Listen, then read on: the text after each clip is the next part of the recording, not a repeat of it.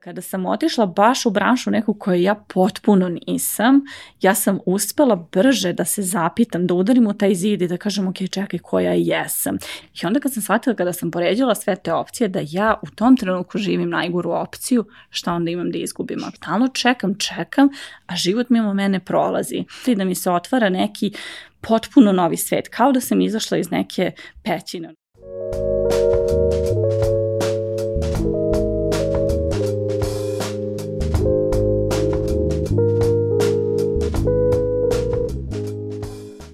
Tijanina porodica je sa jednom kesom napustila ratno Sarajevo. Desetak godina kasnije Tijana je iz Beograda sa jednim koferom otišla u Njujork za svojim snovima. Ispostavit će se da to i nisu njeni snovi. Između dva tražena i dobro plaćena posla odabrala je treći. Nesiguran.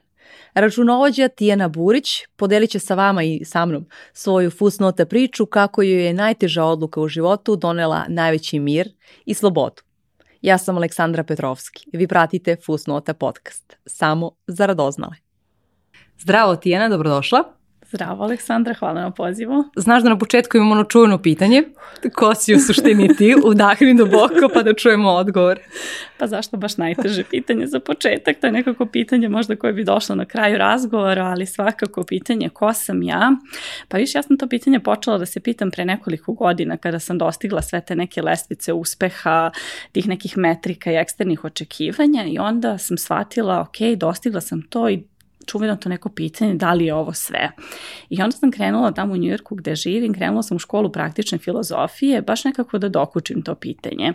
I jedan koncept koji smo tamo radili jeste da ja nisam moje telo, ja nisam moje emocije, ja nisam moj um, pa onda šta sam ja? Odnosno taj neki nezavisni posmatrač.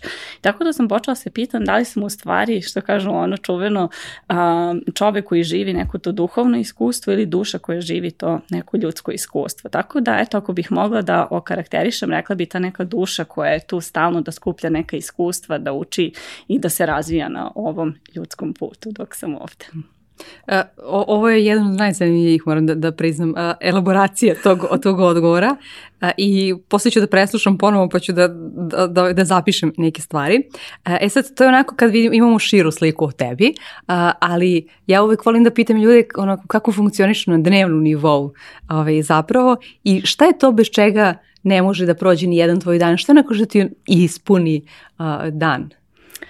Pa, um, ajde sad onda da se vratim i na te neke uloge, da kažem, trebalo mi je godina i godina da prestanem da definišem svoje uloge po tome šta ja radim, ko sam ja, koje su moje uloge, čerka, supruga, uh, majka, zaposlena i tako dalje, po svojoj profesiji da se ne definišem, tako da sve te druge uloge, u stvari moje uloge su ono što mene definiše u mom dnevnom životu, tako da, uh, kao što sam opomenula, čerka, supruga, majka, jedan veliki deo moje životne uloge, uh, Tako da ono bez čega ne mogu na dnevnom nivou jeste neki taj moment i vreme za sebe, a, vreme da konstantno svaki dan nešto novo naučim, pročitam, da znam da sam napravila neki minimalni korak ka napred, ka nekoj svojoj viziji, više da sam ispunila taj neki svoj duhovni, da kažem, rast i um, prosto ne mogu bez svog ekosistema, podrške i bez deteta i prosto tog nekog vremena da provedem sa porodicom, tako da taj ne, definitivno bez tog nekog balansa balansa vremena za sebe, za svoju profesiju, za svoju porodicu. E, mi smo se upoznali 2018. godine. A, ispričat ću ovu priču nekako na početku, zato što kasnije planiramo da, ovaj, da, da razvijem i mislim da je kada, smo, kada sam pripremala se za ovaj razgovor, setila sam se toga e, i moj utisak bio ti se tada držala, držala si predavanje uh, u ICT Hubu kao image konsultant i sećam se, pozvala me tvoja, tvoja prijateljica iz, iz Njujorka, ovaj, Jovana Miljanović. I ja sam, bila je vrlo interesantno i korisno i sve, ja sam onako tebi stekla utisak, rekao, ova žena tačno onako voli tu, tu svoju takvu strukturiranu karijeru i ona će to, ona će krupnim koracima da gazi, poštujući etičke standarde i sve to, ali, kažem, ovaj, nekako vrlo je odlučna u svemu tome i onda kada se mi se ti uh, posle uh, ovaj, uh, javila i rekla mi na čemu uh, radiš i šta su ti namere, ja sam onako, i kada smo krenuli da kažem dalje, da, da radimo nekako da se upoznajemo, ovaj, ostala sam potpuno, je sad, možda ni ovaj moj utisak u tom trenutku nije bio pogrešan ovaj, od tebi, a, ali si, a, je to nekako tvoj transformativni period ovaj, na kraju, a, mislim, u, u tom trenutku veliki a, zapravo bio i sad to se nekako i poklapa sa time da ti postaješ umeđu vremenu ovaj, i majka i sve, a, ovaj, ali hajde da čujemo i iz tvoje u stvari perspektive kako je sve to izgledalo. Pa hajde da kažemo da se osvrnem baš na taj period. U tom trenutku ja sam radila u velikoj korporaciji u Njujorku, gradila karijeru u tom nekom korporativnom svetu. Ja sam stvarno sebe videla kad sam završila ekonomski fakultet ovde, započela karijeru ovde, nastavila u Njujorku. Ja sam sebe videla skroz u tom nekom korporativnom svetu, kako idem, penjam se tim lestvicama. Međutim, na tom putu dok sam sticala ta zvanja i titula, ja sam krenula da gubim sebe. I krenula sam da gubim tu svoju suštinu onoga što, šta zaista mene ispunjava. Ispunila sam te sve neke norme, i eksterna očekivanja, ajde, ovaj, stvarno što se očekuje od tebe nekako i od uh, okruženja i od organizacije i sistema, međutim, gde sam tu ja? Počela sam da se pitam i onda su tako neke razne pasije i strasti mene vukle i neka ta radoznalost da krenem da istražujem druge stvari, da učim, da uh, volontiram, mentorišem, da sam onda krenula da preispitujem stvarno taj svoj karijerni put koji me jeste doveo u tu neku veliku karijernu transformaciju, odnosno iz nekoga ko je gradio karijeru u korporativnom svetu da pređem u preduzetništvo. A da objasnim taj image consulting deo, znači ja sam 10 godina, ja sam diplomirani ekonomista, završila sam i master studiju u tom um, segmentu, radila sam u financijama 10 godina i taj neki preokret je nastao u stvari nekom mojom kada sam krenula da pratim svoju radoznalost bez neke jasne namere. Tako da evo ovo je neki ovako možda i dobar uvod za multipotencijaliste, ali uh, kada sam krenula da držim ta predavanja na fakultetu, da radim mentorske programe, shvatila sam koliko mi je jako bitno da delim svoje iskustva sa drugima i da pomognem nekome prosto da skratim put za nešto što sam se ja možda mučila, istraživala i tako dalje, gubila vreme. I onda taj image consulting se javio zato što sam bila radoznala kako mogu studentima da pomognem da nađu prosto taj svoj neki vizualni izraz, kako da se drugačije pozicioniraju kada dolaze kompanije da ih regrutuju i tako dalje. I onda sam naišla na image konsultanta i meni je bilo kao šta je ovo, zvuči zanimljivo. Upisala sam taj program na FIT u Njujorku koji traje dve godine kao još jedan dodatni master, ali meni je to prosto bilo interesantno, ajde da vidim šta tu ima. I hoću stvarno da napomenem da je to bilo nešto, ušla sam u sto iz čiste neke radoznalosti, nešto onako sa strane što me interesuje, što veze nije imalo sa mojom karijerom u finansijama u tom trenutku i prateći tu svoju radoznalost i strast, ja sam, ovaj, kada sam otišla na taj program, videla koliko je stvari to kompleksno i koliko ima tih nekih tehničkih segmenata koji nam govore kako možemo da napravimo skladan vizualni identitet i ta neka psihologija u stvari imidža ono što je mene krenulo da interesuje i onda mi se tu javila ideja za jednu aplikaciju, a, gde sam onda videla u, a, na svom univerzitetu u jednom, a, da kažem, inovativnom hubu takmičenje za startup ideje, gde sam onda krenula da razvijam tu ideju, da pičujem i totalno sam nekako krenula da ulazim u te neke preduzetničke vode i da mi se otvara neki potpuno novi svet, kao da sam izašla iz neke pećine, one Sokratove pećine o kojoj volim ove, stalno metaforički da mhm. pričam. Tako da, eto, to su neki prvi koraci. I, i to je sada uh,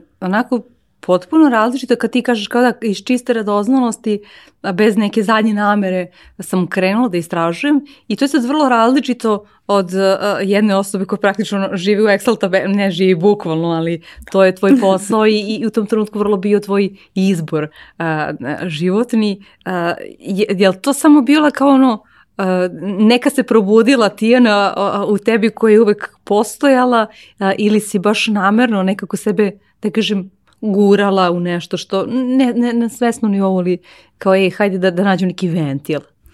Pa uh, jedno i drugo bih rekla, počela je da se budi ta neka rado... nekako nikad sebi nisam davala dozvolu, mislila sam ok, živ, živimo prosto u vremenu specijalista gde ono opredeli se za jednu stvar, ne talasaj, pa šta sad ovo, pa odluči se. I onda sam ja sebi nekako dala dozvolu kad sam otišla u New York, prosto nekako sam tu dosta i sazrela i uh, sebi sam dala dozvolu, ok, imam vreme, tada nisam bila majka, vikende i sve, tako da mogu da posvetim nečemu da istražujem prosto da vidim šta je to sve što a, ima. Tako da ta radoznalost jeste bila neki deo mene, ali jesam se dosta onako gurala da izađem van svoje zone komfora. Kad god bih osetila da se nalazim u zoni komfora, da mi je onako da sam ušuškana, sve mi je poznato, sebe sam namerno gurala. Pogotovo kada sam došla na studiju u New York, prosto drugi jezik, koliko god ja sam radila ovde u organizaciji na engleskom jeziku, nekako sam tela sebe uvek da gurnem, to javno govorništvo, da držim neke seminare pred 100-150 ljudi, kasnije pred 300-400 studenta, to što mi apsolutno nije bilo u zoni komfora, gde dolazim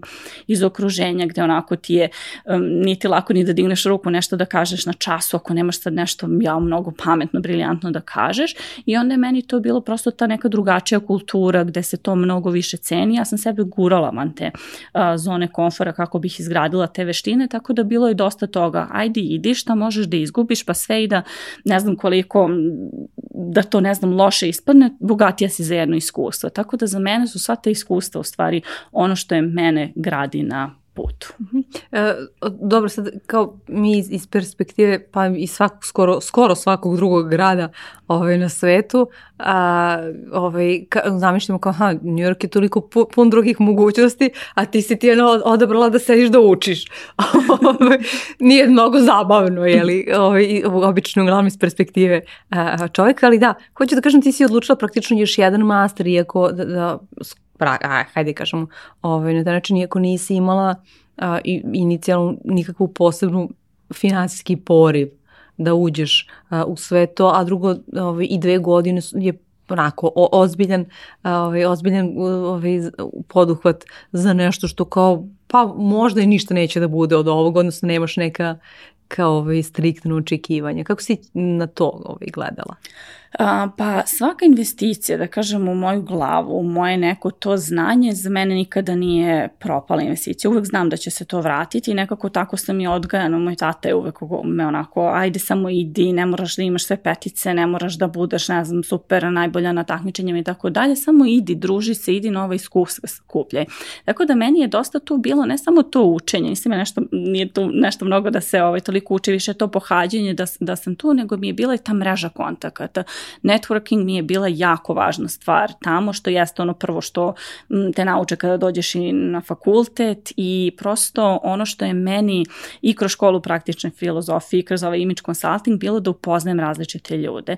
Jer New York stvarno jeste jedan onako melting pot gde im jako puno kultura ima i stvarno nekako ljude koje sam upoznavala jesu ono što je mene obogatilo na tom, isku, na tom celom putu, ne toliko to znanje, da, tehničko znanje uvek i svugde možemo, mislim i sami danas nam je toliko resursa dostupno, ali ljudi koje srećemo jesu ogledalo a, naše tako da kroz njih najbolje upoznajemo i sebe. E, kako ostaješ tu, e, hajde da kažemo, otvorenog i neosuđujućeg ovaj, uma potpuno. Kažem, uvek u takvoj interakciji uh, sa drugim ljudima, kao što si ti sada rekla, posebno mi zapravo ono, upoznamo prave sebe i nekada sebi da kažem dopustimo da se, da se menjamo. Da, da ovo nismo finalni mi, da postoji mogućnost da svojim novim iskustvima, saznanjima i tako dalje promenim svoj stav o bilo čemu. Pa uh, sam činjenicom da sam otišla u New York, znači došla sam iz jedne vrlo homogene sredine gde prosto ovaj, nemamo toliku uh, diversifikaciju, shvatila sam da ok, ja prvo da razim se tamo sam otišla ne zbog nekog bega, um, nego prosto iz dobrog sam otišla u još bolje. Prosto želela sam neki veći prosperitet i neke privatne okolnosti su me tome uh, odvele i samim tim kada sam došla tu htela sam da iskoristim maksimum iz fakulteta, iz bilo čega što sam radila, tako da ovaj, znala sam da svoj um prosto moram da proširim i da gledam svesno, znači prosto kogod je tu preko puta mene, bilo to čak na tim nekim časovima smo imali ljude od 70 godina, ove, neke mlađe, neke prosto ne, toliko je različitost da zahteva od tebe otvorenost uma ako ti želiš da se promeniš i kao što Einstein kaže nikada ne možemo a, da rešimo probleme iz istog a, uma i onoga što smo stvorili problem. Tako da ako sam želela nešto da naučim, moralo tu da bude otvorenost i uma. Ono što je meni interesantno kada, kada govorimo o inicijalnom razlogu, hajde da kažemo, ovaj, koga si ti otišla u New York, to je dobila si punu stipendiju ovaj, za master. U jednom trenutku se dogodilo da si ti shvatila da, da nećeš do kraja ovaj, imati stipendiju i uh, to je sjajna lekcija koju zapravo svi treba uvek da imamo na umu, a to je kao, a, ok, kao otišla sam i pitala sam, a zašto vi ne promenite meni ove stipendije iz drugog fonda? Hoćeš ti da ispričaš tu priču? Meni je sjajna stvarno, kao generalno učenje. Da, meni je to bila jedna od najjednostavnijih lekcija u životu i nešto što me naučilo da ne komplikujem stvari.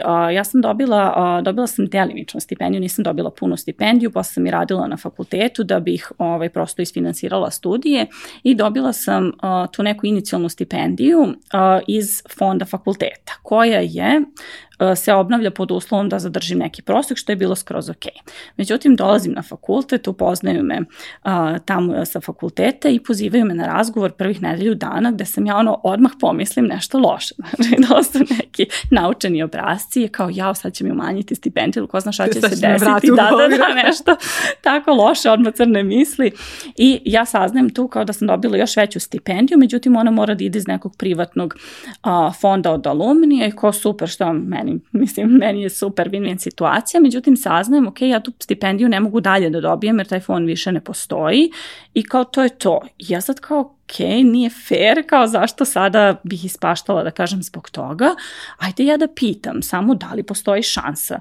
Odem, razgovaram, oni kao, aha, da, dobro, sad imamo taj odbor, razmotrit ćemo to, odobre, pričali su o tome i kao da, da, da, kao sve super, dobila si. Ja sad shvatam da ja nisam uopšte otišla i pitala. To je bilo dobar dan, dobar dan. da, samo predlog, ono, informišem, da. to je to. Ovaj, naravno, nikakav problem, njima ne bi ni palo na pamet, mislim, nisam jedina osoba koja razmišljaju na tom fakultetu i onda shvatam, ok, zašto je nama toliko samo nekada problem da pitamo? A problem je zato što mi očekujemo mnogo, to je ono što sam ja i osvestila, što sam nosila i odavde iz svoje karijere jeste da mi očekujemo stalno da nas neko prepozna za nešto, da uh, neko drugi da nas šef prepozna za unapređenje, a možda mi da dođemo da iznesemo taj neki case o nama. Tako da samo ta lekcija u stvari pojednostavi i pita i bit će ti dato je ono što mi je kasnije otvorilo mnogo vrata.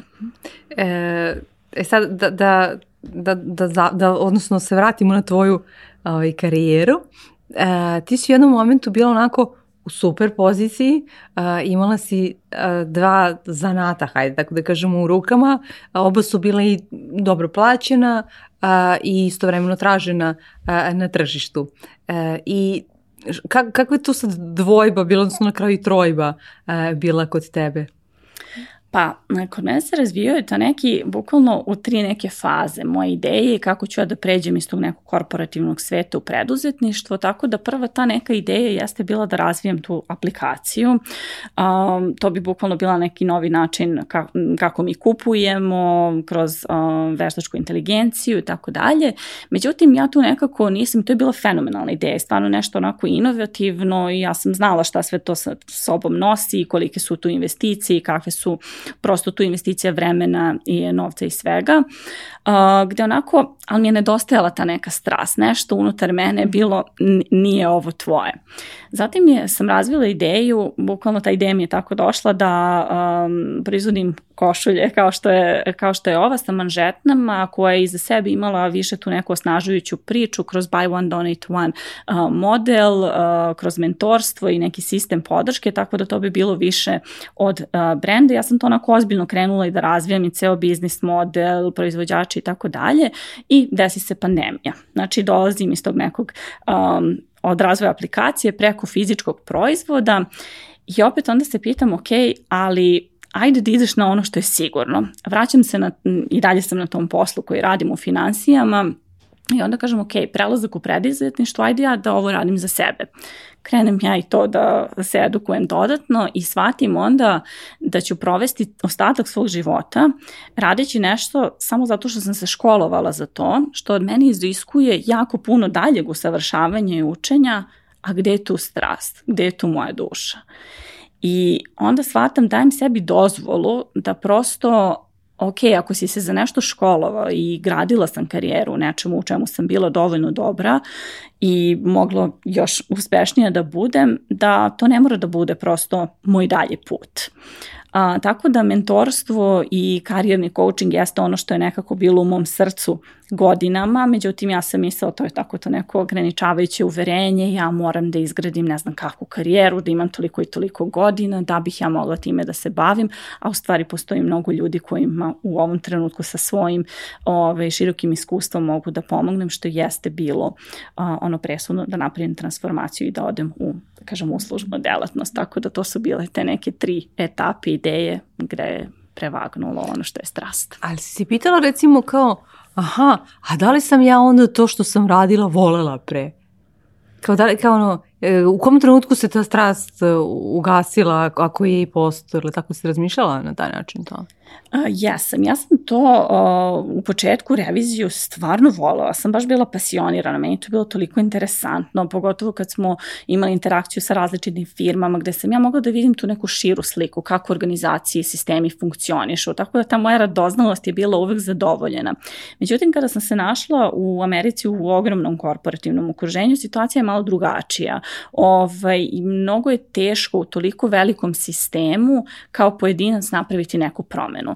I ja sam tu stalno onako se osjećala kao kalimero, onako stalno i u osnovnoj školi sam nešto, ja ajde da promenim, stalno neke ideje, ma ajde sedi ćuti na talasa i tako je to bilo izgledalo i u organizaciji gde sam radila, gde sam ja stalno htela neke inovacije, pa hajde ovo, mogli bi dodatno i nekako sam uvek delovala previše, onako sa svim tim svojim uh, multipotencijalnim idejama, to je bilo previše za jednu vrstu takvog sistema, tako da nije nužno ono što da kažem posao. Posao svi mi naučimo da radimo određen posao, već je koliko mi autentični možemo da budemo i da donesemo pravog sebe na dnevnom nivou. Tako da ja sam shvatila da prosto moj taj neki identitet se vremenom je krenuo jako puno da se odvaja kako sam ja napredovala, moj identitet je odlazio totalno jedan, uh, jednu drugu neku, neku stranu, da sam ja stvorila, došla do tačke kada sam živela dva identiteta.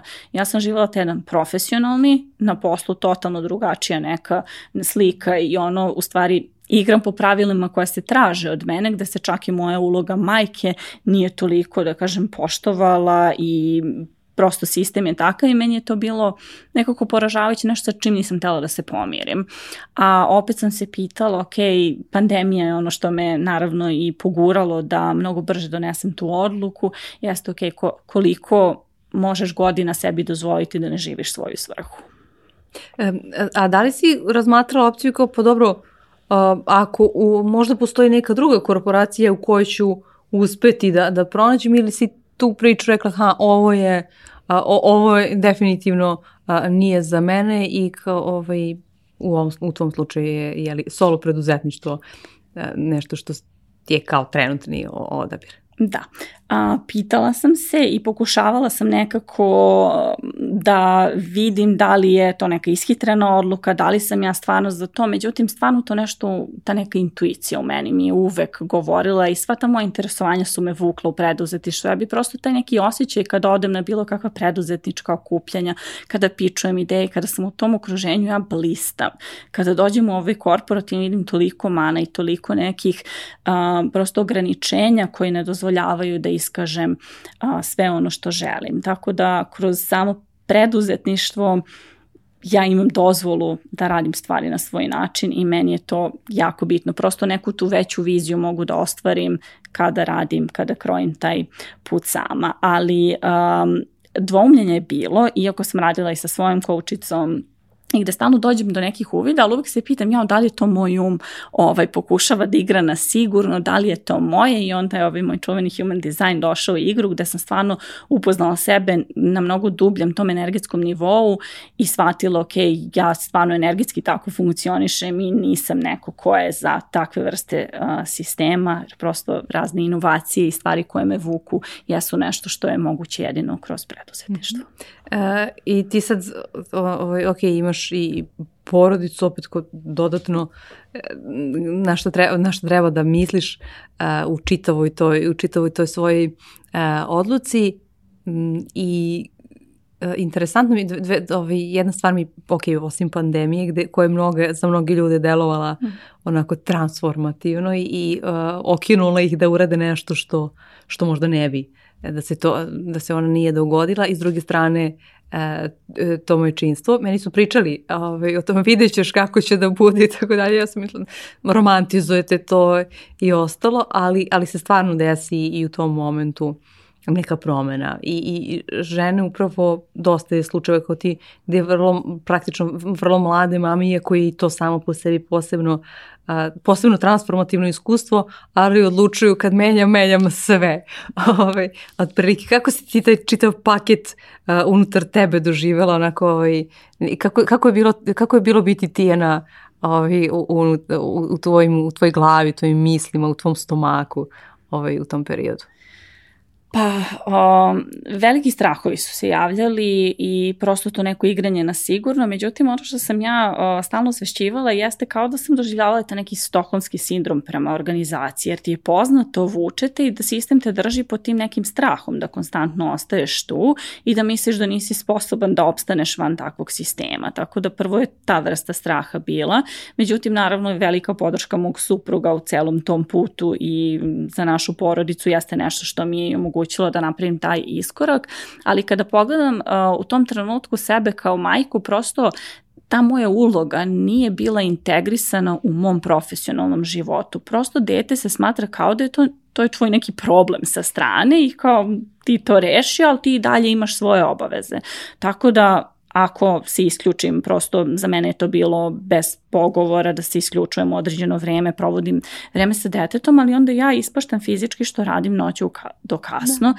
i onda sam kao, ok, moje telo to ne može da podrži, na kraju krajeva moja duša to nije mogla da podrži. Kada sam došla, ja sam neko ko igra, ono kao što si rekla, i Excel i volim da planiram, volela sam, neko sam ko mnogo planira, ako voli stabilnost, sigurnost, da igram na sigurno, ja sam sebe dovela u situaciju kada sam u nekom najgorem trenutku dešavanja u svetu donela tako radikalnu odluku. A, donošenje te odluke nekako sam ja malo ovaj, napravila lakšu tranziciju, odnosno krenula sam da radim smanjene sate, da bih mogla nekako, je meni to mom nervnom sistemu omogućilo da ne skočim sa litice, već da se nekako pripremim. I došao je taj neki prelomni trenutak kada je trebalo da, kada su teli da me vrate na 100%, gde je meni bilo ok, da li se vraćaš na taj posao, gde ne možeš da provodiš dovoljno vremena sa detetom, znači prosto i da budeš ti svoja ili ćeš da ideš da pratiš svoju strast, kad ako ne sad. I stvarno najteže je bilo samo doneti tu odluku. Kada se mi ja u sebi presekla, to je bilo to neko oslobođenje, ono, kao prosto taj osjećaj slobode i sigurnosti u sebe. Tako da ono što je prelomno bilo jeste kada je vera u mene i moje sposobnosti prevladala sve strahove koji koji su išli u tom trenutku i svi strahovi koji se javljaju kroz sve evo i trenutne stvari koje se dešavaju u svetu, tako da shvatila sam da sve te stvari i ciklusi su nešto što se ponavlja, međutim kada onako se držimo te neke svoje vizije i verujemo u svoj potencijal, stvarno možemo da prevazićemo. E, imajući u vidu da ti u tom trenutku nisi imala siguricu, e, šta, da li si, kao, da li, imala, da li si imala plan B, C, D i ostalo slova B, C, D, uh, kao verujući, kao ne, ok, ovaj, verujem u svoje snage i sposobnosti, uh, ali kao, da li imam i neki sledeći plan ako, ako ovaj, zakaže i koliko sebi dajem rok, hajde da mhm. kažem, da, ovaj, da, da vidimo da li sam ja na dobrom putu. Kako si to tu pristupila? Kako si strategiju napravila? Naravno, ovaj, pa razvila sam prosto ono najgori scenariju, najbolji srednji. A šta je za tebe najgore što može da se desi? Mislim, svi imamo neku svoju, ovaj, svoju da. neku toko, ovaj, ne, apokalipsu u glavi, ali šta je, da. šta je to kao tebi bilo? Najgori scenarij za mene bio onaj koji sam u tom trenutku živela. Za mene je najgore bilo, ok, neće mi ovo uspeti, vratit ću se opet u ovo. Znači, mene to zanimanje i profesije uvek čekaju. I onda kad sam shvatila, kada sam poređala sve te opcije, da ja u tom trenutku živim najgoru opciju, šta onda imam da izgubim? Ako... Što i nije ono toliko loše, loše da. da. Da, ali opet mi kada prolazimo, a, to je to, kada nas obuzmu ti strahovi, kada kreiramo ta scenarij u budućnosti. Ja, ako ovo, onda će ovo. Mi projektujemo na budućnost 99% scenarija koje se ne dese. To je nešto što nam izaziva anksioznost u ovom trenutku. Ali kada mi u ovom trenutku preduzmemo korake, dešava se nešto, šta god, najgore stvari smo prošli, ratove, izbjeglištvo i tako dalje, prošla sam to u životu. U tim najgorim trenucima razmišljaš šta je ono što ću ja da uradim sada. I ti radiš, ti si u akciji, straha nema mesta straha, strahu u ovom trenutku. Tako da prosto kada sam taj koncept u glavi razlučila, znala sam, ok, šta god da se desi, ja ću u trenutku rešavati stvar. Um, ono što je takođe bilo nekako za utehu jeste što u tom trenutku, pa evo i sada, više neko ikada u Americi ima uh, poslova nego što ima nezaposlenih ljudi. Tako da poslova ima na sve strane, ja to uvek govorim, posla ima ko hoće da radi. I da kažem, jedan i od mojih scenarija je bio, ok, radit ću negde part time, ali ne ovo što me mentalno iznuruje, ako je to ono što je neophodno da mogu finansijski da podržim a, svoju tranziciju. Uh, da, da li još uvijek, je li prošao medeni mesec, nekih otprilike 15 meseci a, ovaj, si ti solo preduzetnica samo ovaj, to a, i da li, da li prošao taj medeni mesec, u kom si sada ovaj, stadijumu, hajde da kažem?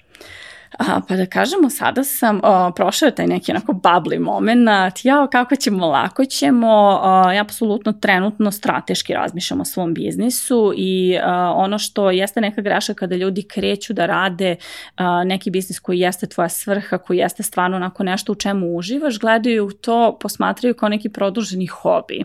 Ja svoj posao gledam kao posao i kao biznis i ono što ja sa mojim karijera Alchemist razvijam stvarno organizaciju organizaciju i pokret neki s kojim želim da menjam stvari. Tako da ja nisam u preduzetništvo ušla, e ajde sada da probam ovo, znači ušla sam trenutka kada sam jasno znala šta hoću da radim i u kom pravcu idem. Tako da ja od starta postavljam nekako zdrave temelje svog biznisa za neki dugoročan i održiv rast. E, je li to sad to? Ovaj, živećete srećno do kraja života? ne, tu naravno apsolutno ima uvek nekih turbulencija, promena, ono što je meni nekako bilo, znaš, isplaniraš stvari, plani, pravi planove da ti se Bog smeje, dešavaju se stvari, prosto ako živimo u Americi sami, dete, tu uvek imaš onako taj neki balans da praviš, ali to me nekako i gura da donosim neke odluke šta je hitno, šta je bitno, da prioritizujem i da prosto znam da stvari ne mogu uvek da idu po planu i da nekako gledam uvek da se pomeram ka toj dugoročnoj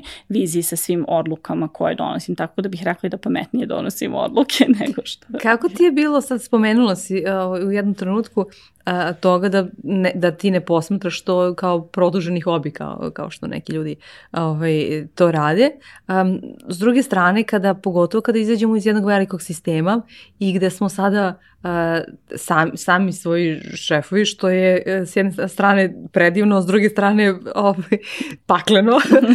um, a pogotovo što, što si ti sada uh, na neki način nisi od, odgovorno još prema nekome što te dodatno, što dodatno ume da kao ovaj, pogura a, ljude da budu odgovorni. Ti jesi ovaj, odgovorna osoba, ali kažem kako si se u tom delu snašla da postoji i određena disciplina, da ne bude ono kao, neka pa sutra ću to, pa preko sutra ću, pa nije bitno, ka, da, ono, da postoji neki saldo na kraju meseca i tako dalje. Kako si tu uspela da, da održiš ono, visoku borbenu gotovost?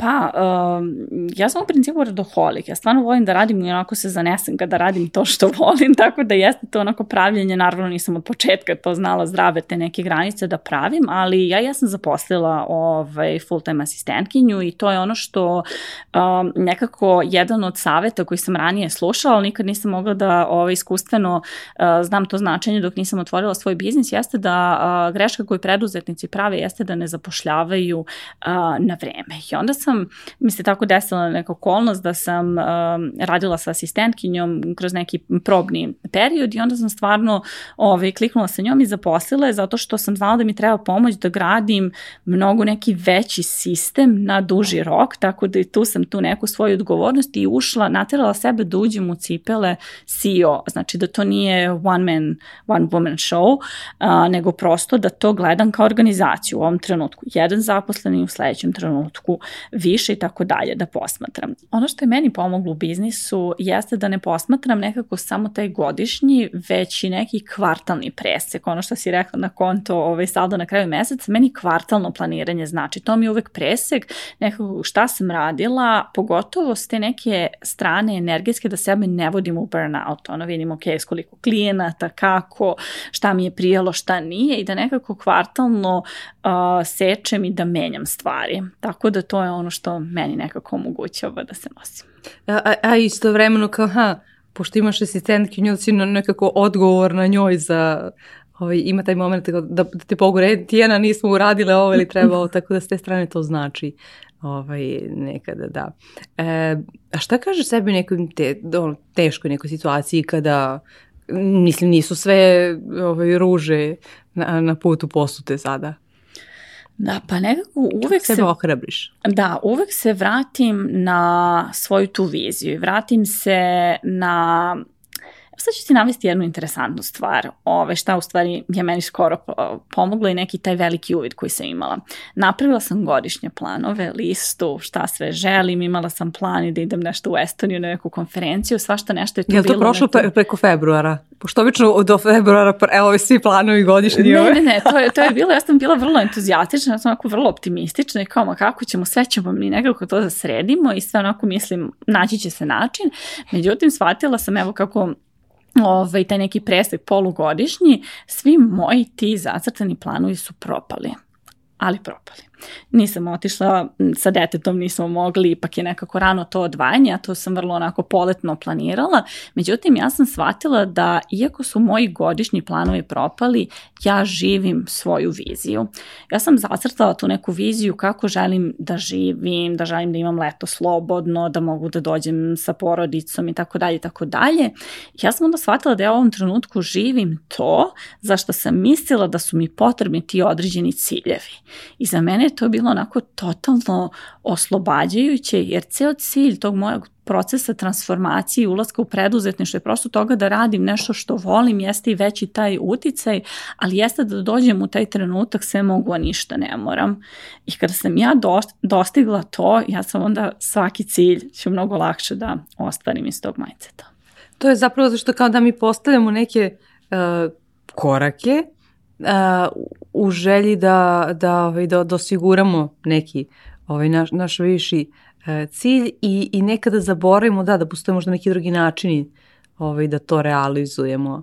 A, ovaj, a kako si ti, kao, kako, kako si ti ostvarila ipak ovaj, i došla, došla u taj trenutak, aha, propali su mi planovi koje sam napravila, ali sam u to stanje koje sam želela sebe da dovedem ipak došla. Pa Jesi finalizirala posle taj deo? Pa da, zato što sam pogledala, ok, šta je ono u ovom trenutku što imaš, jer nekako mi sve mislimo da ćemo to imati u nekom trenutku. I to ono kada budem nešto onda ću, ali čekaj šta je ovo što sada, jel moram nešto, ne moram ništa, jel ja biram, biram. I onda mi nekako zaboravimo ovaj, treba da se podsjećamo u stvari na te neke stvari koje smo a, dostigli, tako da definitivno ta refleksija, ok, šta je ono što si do sada uradila, pa čekaj, stoliko ljudi si radila, pa čekaj, pokrenula sam i podcast i svašta nešto što nekako zaboraviš jer stalno juriš i gledaš šta je ono što treba. I ja sam dosta živela tako kada sam radila u organizaciji i to je razlog što sam dosta i krenula u školu uh, praktične filozofije jeste mindfulness, odnosno stvarno nisam živala u sadašnjem trenutku. To je bilo ili nešto razmišljaš iz prošlosti ili stalno neki planovi za budućnost i samo ja kad sam negde, ako sam na odmoru, ja čekam sledeću stvar. Stalno čekam, čekam, a život mimo mene prolazi. Tako da stvarno kada, kada sam počela nekako da više cenim tu sadašnjost i da budem u trenutku, a majčistvo mi je dosta pro, pomoglo u tome, ove, jeste ono što je za mene promenilo, ok, sve se stvari dešavaju, odvijaju, ali nekada kada pustim planove, mnogo mi nekako stvari dolaze na drugačiji način i lakši i bolji. Kako si trenirala, ok, ma, majčinstvo je bila ta, ta praktična škola filozofije, ali kako si, kako si inače, da kažem, trenirala, jer nekada da se dovedeš u to stanje da kažeš sebi, e, kao čekaj, čekaj, vrati se sad ovde, to nije lako, nije. to je, ovaj, to je ono, naš, naš podsvesni način funkcionisanja i e, kako si trenirala, ili imaš ti nešto praktično ovaj, da Imam iz praktične filozofije, naravno. da otvorimo te beleške, ajde, ajde. Ove, znaš, ovo, i ta, kada sam tamo krenula, sve sam očekivala neke kompleksne sad sisteme, sad ti ne znaš šta treba da radiš, ali pauza, evo ti imaš na šolji baš napisano pauza, da napraviš pauzu pre nego što bilo šta uradiš. Zazvoniti telefon, stani Bukvalno stani, budi tu pa se onda javi. Jel treba da otkucaš mail? Stani, fokusiraj se. Znači budi tu, osjeti tu prisutnost. Ovako zvuči mnogo banalno, ali kada ti sebe na tom nekom racionalnom nivou konstantno pominješ i treneš čekaj, budi tu pre nego što posegneš za nečim i samo juriš, juriš, juriš, budi tu 5 sekundi, pravi pauzu, mnogo tih pauza u toku dana. Meni je mnogo pomoglo ovaj, na, to, na tom momentu osvešćivanja a, postoji sada na, na Instagramu između ostalog onaj ovaj, regulat, regulator vremena, hajde tako da kažemo, koje provodiš. I, ovaj, I ja stvarno ostavim, namestila sam na najmanje i kao ono, posle 10 minuta ja stvarno ostavim ovaj, to, tako da nekada mogu da dođu sa spoljne strane ovaj, ti momenti opomena, ako mi nekad sami ne možemo da se kontrolišemo, hajde tako da kažem. Um, ti se baviš između ostalog, ti jesi executive coach sada uh, i to je još jedna edukacija koju si završila. Koliko je trajala?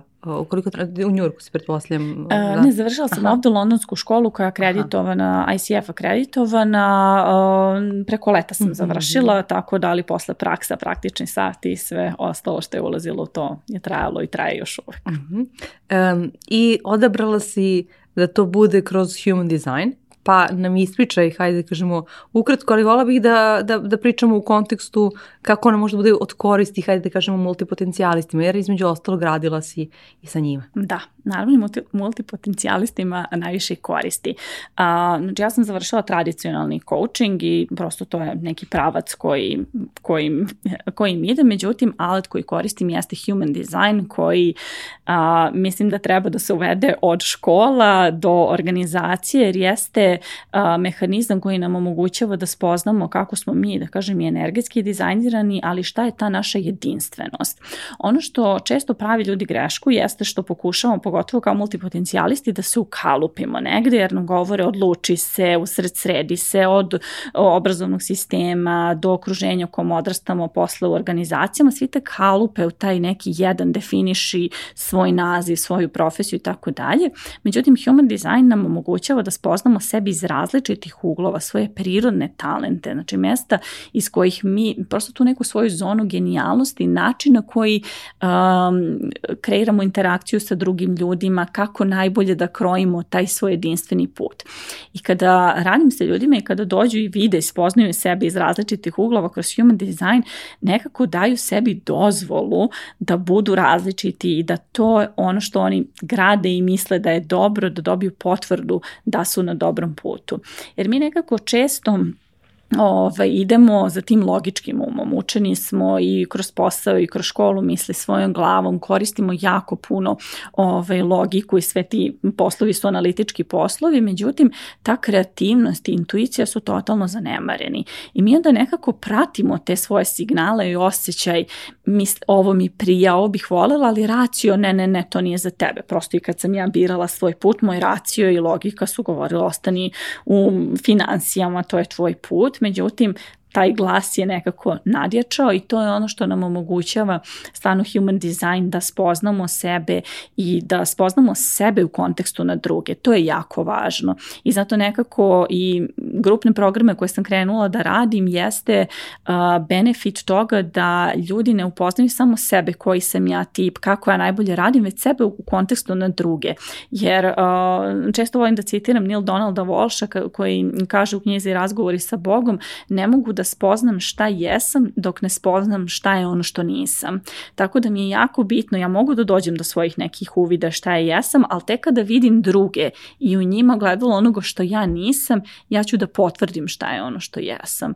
I tako da nam human design stvarno skraćuje nekako godine pogrešnih skretanja i to je ono što je meni nekako dalo tu krunu i zapečatiralo da znam da kreiram svoj put i stvarno je to neki, tvo, neka moja lična mapa, moj unutrašnji kompas kroz koji donosim odluke i kreiram stvarno svoj jedinstveni biznis model i uh, ne plašim se da radim stvari na drugačiji način.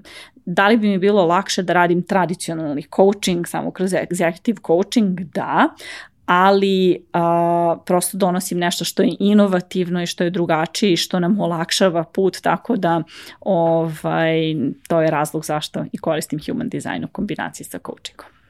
E, I koliko ti je teško da, da objasniš uh, ljudima kada, kada kao, radiš nešto što je novo i drugačije, pogotovo zato što si e, i to je tvoj, ti, si, ti si nova, da kažem, generalno u tom biznisu, uh, donosiš jedan drugačiji ovaj, malo alat, kada sve to spojimo, ovaj, kako, kako, koliko ti teško ili možda lako možda komuniciraš sa ljudima da im objasniš zapravo uh, koriste svega toga. Da, pa uh, kada je nešto novo i drugačije, prosto ljudi nisu naviknuti, onda ne razumeju, tako da uvek je, uh, uvek je komunikacija ili da ljudi ne razumeju problem koji imaju ili ne razumeju rešenje koje nudimo, tako da kod mene je to u pitanju rešenje, ali demonstracijom. Prosto ja sam, najveći primer sam ja, ja kroz svoj posao, kroz svoj život živim svoj dizajn i to je ono što najviše rezonuje sa ljudima, prosto ja sam svoj najbolji proizvod, ali takođe kroz demonstraciju rada sa svojim klijentima, podcast koji sam pokrenula baš iz tog razloga da pokažem koliko je svačiji put različit i koliko njihova human design mapa pokazuje šta je ono zašto su oni jedinstveno sposobni i šta njima ide sa lakoćom, tako da prosto ljudi mogu sebe da upoznaju i kroz drugačije primere i da vide na primeru šta znači praktična primjena tog alata. E, koji je tebi onako najinteresantniji najautentičniji primer uh, velikog to ono eureka momenta ili aha kod nekoga uh, koji, koji je doživio, koji je možda onako bio pa dobro, Tijana, ovaj, nisam ja baš sigurna da će ovo kod mene da radi, uh, ili ja znam sve o, o sebi ili tako dalje, ali da je zapravo m, došao do toga, do, ne, do nekog novog ono, upoznavanja sebe. Pa imala sam klijente koji su prošli raznora, raznorazne testove ličnosti. Mislim, ovo s jedne strane jeste test, test ličnosti, ali se razlikuje s toga što se radi na osnovu datuma rođenja. Ovaj, tako da ljudi budu o, onako kas, sebe sam spoznao kroz raznorazne te testove, međutim svi ti testovi su vezani i rade se u odnosu na naše odgovore i na ono kako mi u tom trenutku razmišljamo šta je neki filter naših iskustava, a human design je jedinstven po tome što jeste nešto sa čime smo mi rođeni rođeni. Tako da uh, čak i neko koji isprobao i razne stvari upoznao nešto novo čuje o sebi i prosto razume, ode i korak dalje, ko je već dosta samosvestan, ode korak dalje da kroz to razume kako utiče na druge ljude. Tako da tu dolazimo i to, do tog nekog rada u timu, kako da zapošljavamo ljude, kreiramo funkcionalni tim na osnovu human dizajna.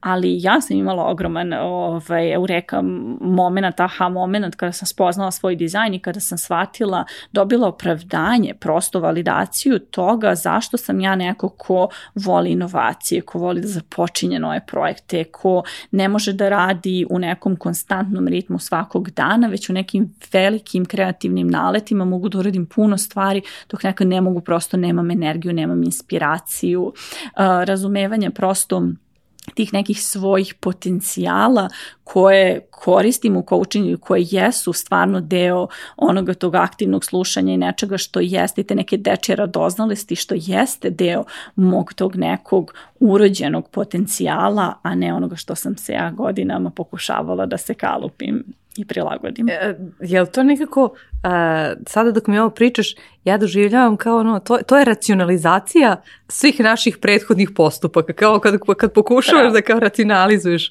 e, kao da nađeš odgovor na neki način u svemu, da, da ovaj, retroaktivno po, poslužiš kockice. Bravo, ovo si rekla mnogo bolje nego što bih ja rekla, zato što ovaj, ta racionalizacija jeste u stvari, da kažem, ključ mog dizajna, to jeste ono gde ja najviše, da kažem, ta moja zona genijalnosti jeste pružanje raciona, racionalizacije ovakvih nekih koncepata i objašnjavanje, prosto uh, omogućavanje ljudima da razumeju zašto rade neke stvari, kako funkcionišu i tako dalje. Tako da to je ono moje nekako i odgovor na tu moju prirodnu prirodnu radoznalost od uvek, ono zašto mi postojimo, zašto ovako radimo. Samo se pitaš tako te neke mistične stvari, neka ta velika pitanja postavljaš i onda kada uspeš tako neke kompleksne stvari da racionalizuješ i da objasniš na dnevnom nivou, na primer, um, kroz te neke profesionalne uloge, kroz human design, zašto meni kao predavač neke stvari mnogo bolje idu nego, na primer, nekome drugom. Tako da prosto to jeste deo mog nekog potencijala urođenog. E, da, da, da, ne, da ne pričamo samo o prošlosti, da pričamo da. i budućnosti bez obzira što smo se složile za ovim stolom da, da je važno živeti u sadašnjem trenutku, ali kako sad ti zamišljaš uh, sve, sve to što radiš u, u perspektivi i da, rekla si da imaš ideju da, da, da širiš, pa ajde kažemo da širiš biznis. Da, ovaj, karijera alkemist gledam kao, kao što sam rekla i kao neki pokret i trenutno je u procesu trademarkovanja, tako da uh, gledam kao jednu organizaciju, u jednom trenutku možda i akademiju, ali prosto kao neki novi samo ime, uh, prosto nekako slikava jeste transformaciju načina na koji radimo, da uh, možemo nekako da izađemo u susret svim promenama koje se toliko brzo dešavaju i novim modelima rada koji tek treba da, da dođu i gde a, je mnogo ta neka peta industrijska revolucija, gde je mnogo ta neka individualizacija i ojačavanje i osnaživanje pojedinstva, odnosno pojedinca, odnosno tog preduzetnika i u okviru organizacije, odnosno taj entrepreneurship koji nekako će dobijeti mnogo više na značaju da omogućimo da se prepozna potencijal pojedinca koji može da radi i ono zašto je najbolje stvoren, tako da uh, radi ono što voli na način koji voli, kako i bi pružio benefit i okruženju u kome radi. Tako da ovaj, neki taj dugoročni kada pogledam jeste i organizacija i rad timova kroz prepoznavanje potencijala pojedinaca, ali prosto neki drugačiji način kreiranja preduzetničkog puta i biznisa u skladu sa onim što nama odgovara. Tako da ovaj, prosto neko osnaživanje pojedinca da se vrati ljudi da pogledaju šta je ono što je moje, šta je ono što meni prija, da polaze prvo od sebe, a ne od tržišta i ne od strategija koje su nam date i kako se nekad radilo. Tako da se ne plašimo da menjamo stvari. E, nedavno mi je u gostima bila Mirina Gomilanović koja rekla, ja sam je pitala, uh, ok, da li sad žališ, pošto je ona imala bogatu ovaj, korporativnu karijeru, a, od, na njenu odluku su roditelji uticali koji će fakultet dosta onako ovaj, upisati i, tako dalje. Ja sam im pitala da li žališ da, i zameraš im na neki način o tome. Ona je rekla, pa ja zapravo nikada ne bih upoznala da sam upisala psihologiju kako sam želela, nikada ne bih upoznala niti svoju buduću profesiju, ne, ovaj, niti, odnosno na drugačiji način, ko zna koliko bi vremena ovaj, prošlo, a s druge strane niti, niti svoje buduće klijente, jer ja sam da, ovaj, nekada bila ovaj, u, u, u cipelama svojih sadašnjih klijenata. Pa da li si ti isto ovaj, na neki način ovaj, ona prethodna Tijana je, je sada, odnosno ovaj, to su praktično neki način tvoji klijenti između ostalog. Da. Da, složit ću se sa tom izjavom i tim okrivljavanjem kao roditelja, da li su uticali okruženja, to jeste prvi neki korak ka, tom, um, ka toj samosvesnosti i buđenju, prosto da prestanemo da okrivljujemo drugi, da preuzmemo odgovornost potpuno za svaku odluku koju smo doneli u životu, tako da da, psihologija je moja velika ljubav bila, ove, ali se nikada nisam pokajala ni za jednu odluku koja nije bila u skladu sa mnom, jer je svako to neko odvajanje od onoga što ja jesam, što sam više otišla u nešto što nisam, više mi je omogućilo da dođem na put onoga što jesam. I kažem, ja sam završila tamo, otišla sam da radim u porezima. Meni su cijele ekonomije i te oblasti financija porezi bili najmanje interesantni, ali je to bila neka moja ulazna karta u veliki sistem i prosto nešto što je traženo, siguran posao, uvek će to, to trebati. I uh, kada sam otišla baš u branšu neku koju ja potpuno nisam, ja sam uspela brže da se zapitam pitam, da udarim u taj zid i da kažem, ok, čekaj, koja jesam. Jer da sam ostala u nečemu što mi je kao solidno i što je ok, ja bi funkcionisala u tom sistemu. Dovoljno prosto, dobro, Dovoljno da. dobro. Ok, uvek, uvek bi ono, ja sam se stalno vraćala na dobre, pozitivne stvari tog posla kojih je naravno bilo, nije se ovaj, tako loše, ne bi ni ostalo toliko ali bi nekako to vozila. Međutim, ovo, tako da sam stvarno zahvalna za sve te neke izbore koji su me odveli dalje od onoga što ja jesam i ono što jeste draž toga jeste celo to moje iskustvo i razumevanje i organizacija i različitih biznis modela i sva ta moja interesovanja kroz razvijanje tih ideja, upoznavanje jako puno različitih branši, to što, što si rekla kao sam ono učila, ali ja sam se mnogo kretala, ja sam stalno negde išla po nekim događajima, jer tamo kad živiš u New Yorku patiš od onog FOMO, fear of missing out, strah da ćeš nešto da propusti, propustiš, tako da stalno sam negde išla i posle posla onako trudila se što više iskoristim to vreme i upoznala sam različite stvari i videla, tako da cijelo to moje iskustvo uh, kroz posao, kroz biznis jeste nešto što ja donosim u ovaj executive coaching što mi omogućava da razumem uh, nekako tu širu sliku i to je ono što je meni uvijek bilo bitno da ja razumem ceo taj ekosistem na makro nivou da bih mogla da radim promene na mikro nivou. Um, I ovaj, pitanje koje uvijek volim da, da postavim, na kraju uh, bilo je, so, uh, dugo sam postavljala ljudima pitanje kako je uticala pandemija na tebe, sada znamo kako je uticala ovaj, na tebe, a, a sledeće pitanje je uh, bez kog znanja ili veštine ti danas ne bi bila Tijana ovo sa kojom ja razgovaram. Šta je to neko presudno uticalo na tebe? Radoznalost da pratim tu svoju dečju radoznalost, to jeste jedna od ključnih, da kažemo, veština koje su neophodne u coachingu, ali to jeste nešto što je mene dovelo do danas da pratim tu svoju radoznalost i tu svoju neku intuiciju koja me vukla ka nekim stvarima i ako nisam imala a, objašnjenje za njih, tako da definitivno je to onako nešto što, što me vuklo i to ta neka potreba za učenjem i za samo razvijenjem. Hvala ti što si bila moj gost ovo, i sa nestrpljenjem čekam sledeći korak i u svemu što radiš. Hvala tebi puno, bilo mi je zadovoljstvo. Ljubina, pa ljubi, ljubina, pa da, ramada, pa nam, pa rarum.